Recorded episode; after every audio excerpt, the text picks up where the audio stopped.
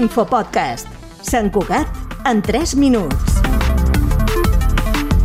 La màxima d'actuar amb els altres com agradaria que ho fessin amb un mateix és quelcom comú a la gran majoria de confessions religioses. Un compromís amb l'empatia que s'ha posat de manifest aquest dissabte a la nit de les religions, que ha celebrat la segona edició amb un programa d'activitats que han tingut lloc a l'Escola Municipal de Música i a les seus de les diferents creences.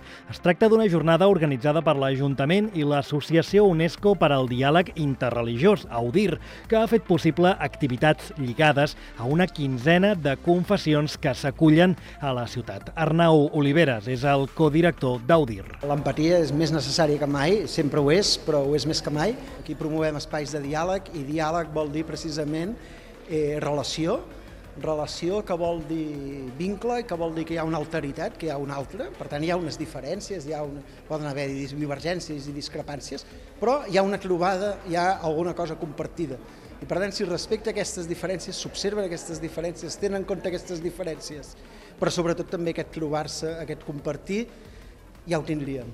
Un punt de vista compartit i celebrat per l'alcalde Josep Maria Vallès, que considera que la jornada és un espai de comunió, que referma el fet que Sant Cugat és una ciutat d'acollida, on hi conviuen persones d'arreu del món. De fet, l'alcalde ha reivindicat també la idea de l'empatia. Jo sempre dic que és millor eh, empatitzar que no tolerar durant molts anys es parlava de la tolerància, però la tolerància jo veig com jo estic aquí i faig un esforç per acceptar-te, no, no, hem de ser empàtics.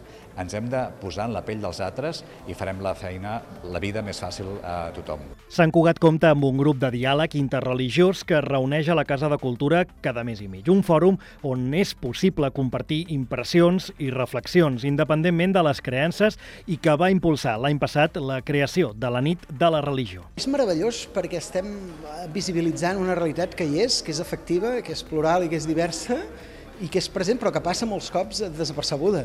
I és important que la coneguem precisament per lo que dèiem, perquè quan invisibilitzes una cosa Uh, malament rai, malament rai. A banda de les activitats, el Conservatori ha acollit una petita exposició on s'ha posat llum a les característiques de diferents religions, des del cristianisme a l'islam, passant pel judaïsme i el budisme, entre d'altres.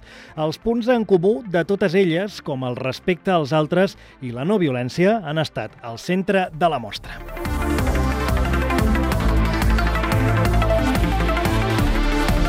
L'Info Podcast és una coproducció de ràdio Sant Cugat i la xarxa de comunicació.